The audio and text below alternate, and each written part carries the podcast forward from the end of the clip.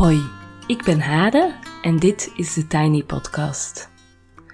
Op 18 december werden we in Nederland verrast met een nieuwe lockdown. We hebben last van uitzichtloosheid, lees ik in de krant. En ik voel het ook.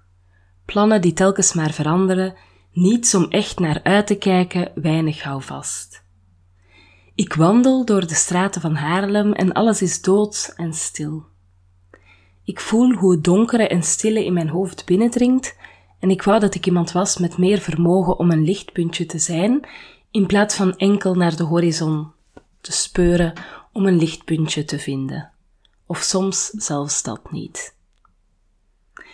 En toen besloot ik 15 kleine podcasts te maken. Een rode draad door deze dagen. Elke dag een incheckvraag uh, om die 10 minuutjes tijd voor jezelf te nemen en te claimen in de brei die deze rare dagen ook tussen kerst en nieuwjaar uh, kunnen zijn. Mijmerend of schrijvend. Misschien is het wel leuk om er een apart boekje voor te nemen en daar telkens de antwoorden in te noteren.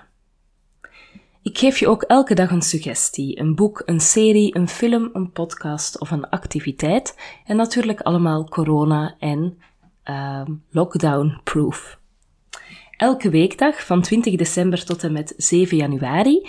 Dat betekent dat het vandaag dag 9 is.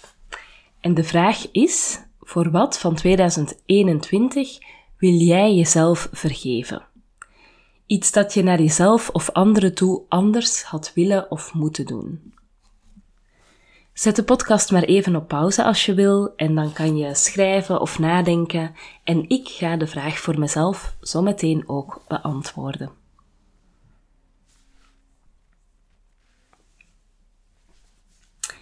Voilà, waar ik mezelf vergeef. Dat begint natuurlijk bij de vraag wat ik mezelf kwalijk neem. Wat ik mezelf kwalijk neem zijn vooral twee dingen. Ten eerste dat ik niet zo'n attente vriend of kennis ben als dat ik zou willen. Um, ik vind het best moeilijk om de hele tijd op alle appjes te antwoorden, alle mails op te volgen, alle contacten te onderhouden die er uh, te onderhouden zijn, alle post te beantwoorden enzovoort. En ten tweede, ik zorg niet zo goed voor mezelf als ik dat zou willen. Concreet gaat het over voeding en beweging. Ik zou graag gezonder eten en veel meer bewegen. Um, en dit betekent uiteraard niet dat ik elke dag McDonald's eet. Vaak gaat het prima. Uh, maar ik merk dat stress bij mij gepaard gaat met te veel of ongezond eten. En daar zou ik natuurlijk graag vanaf willen. En ik weet dat dingen als wandelen en yoga en suppen, dat die heel goed zijn voor me. En toch lukt het niet om daar op regelmatige basis bewust tijd voor te maken. Vergeven is iets complex. Om het even welke andere vrouw die ik ken, die mij zou toevertrouwen dat ze vier kinderen heeft, waaronder een tweeling van drie jaar, excuus, dat ze een eigen bedrijf heeft dat echt nog in de ontwikkelfase is, dat ze al jaren niet meer heeft doorgeslapen, um, ja, dat ze ook best wel veel spanning in haar relatie heeft gehad, de voorbije twee jaar. Dat ze last heeft van het onvoorspelbare van de corona met, met alle lockdowns en maatregelen die heel ingrijpend zijn. Tegen om het even welke vrouw zou ik zeggen, doe eens normaal. Um, als ze zou zeggen dat ze zichzelf kwalijk neemt, dat ze dus niet zo attent en bereikbaar is en niet drie keer per week yoga doet en elke dag gezond eet en elke dag gaat wandelen. Of niet dus elke dag gaat wandelen. In mijn cursussen kom ik heel veel vrouwen tegen die bikkelhard zijn met en tegen zichzelf. Uh, en waar ik tegen zeg, of tegen zou willen zeggen, doe eens rustig. je bent supervrouw niet, of je hoeft dat niet te zijn. Je bent het eigenlijk wel um, vaak. Je moet en je kan niet alles. Je mag hulp vragen. Je hoeft het niet allemaal alleen te doen. Je hoeft niet eerst alles van jezelf onder de knie te hebben of op punt te hebben voor je je mag verbinden met een ander, of voor je mag rusten of voor je jezelf iets mag gunnen. Ik heb het voorbije jaar pas bevallen vrouwen gezien die de lat torenhoog legden, professioneel, zwangere vrouwen die aan allerlei zelfverbeteringprogramma's wouden doen in plaats van gewoon te genieten van de zwangerschap en zich voor te bereiden en naar binnen te keren omdat er een kindje op komst is.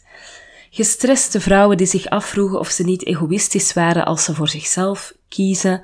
En totaal overbelaste vrouwen die alle balletjes in de lucht liepen te houden, krampachtig bang om een balletje door te geven aan bijvoorbeeld een partner of een kind, omdat het dan mogelijk niet zo in de lucht gehouden zou worden als zij dat zouden doen. Dus die kwaliteit die zij daarin nastreven.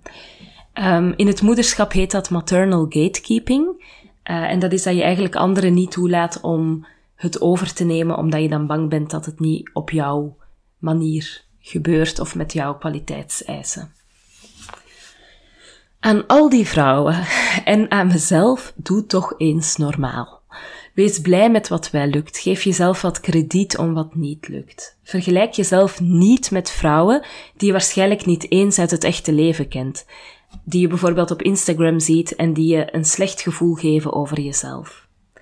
Als iemand uitspraken tegen je doet die je pijn doen, neem dan afstand in plaats van jezelf op je kop te zitten. Vraag gewoon hulp als je dat nodig hebt en liever nog als je dat niet nodig hebt. Of nog niet. Dus een beetje voordat je het echt nodig hebt. Je hoeft niet alles te zijn voor iedereen. Het kan niet, het is hoogmoed om dat te willen.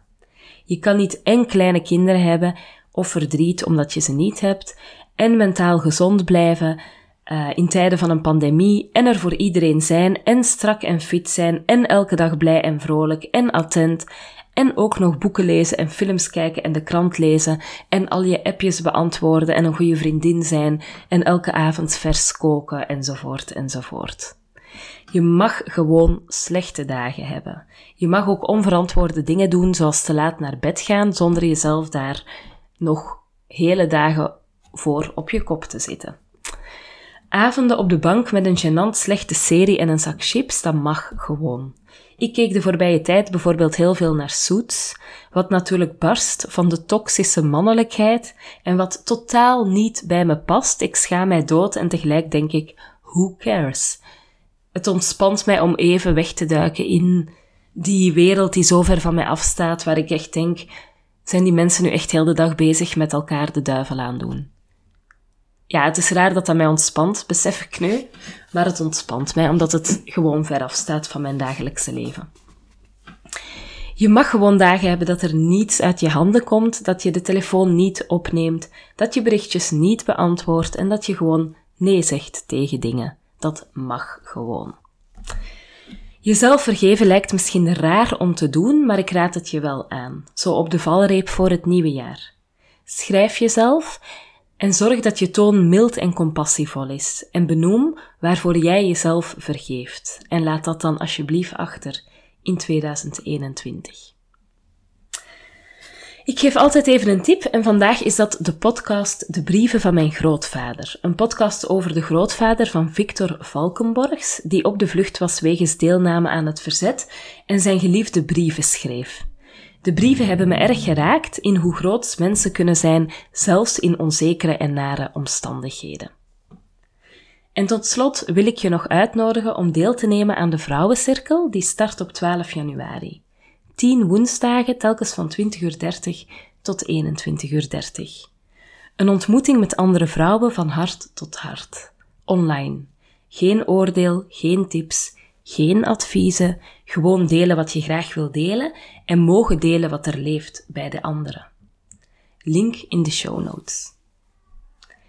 Tot zover voor vandaag. Je kan me volgen op Instagram at TheTinyPodcast. Als je abonneert via bijvoorbeeld Google of Apple Podcast of in Spotify of in je favoriete podcast app, dan krijg je telkens de nieuwste aflevering in je overzicht. Als je de podcast doorstuurt naar iemand die er ook graag naar luistert, of hem deelt op social media, dan help je me om de podcast te laten groeien. Een fijne dag en heel veel goeds en lief zijn voor jezelf.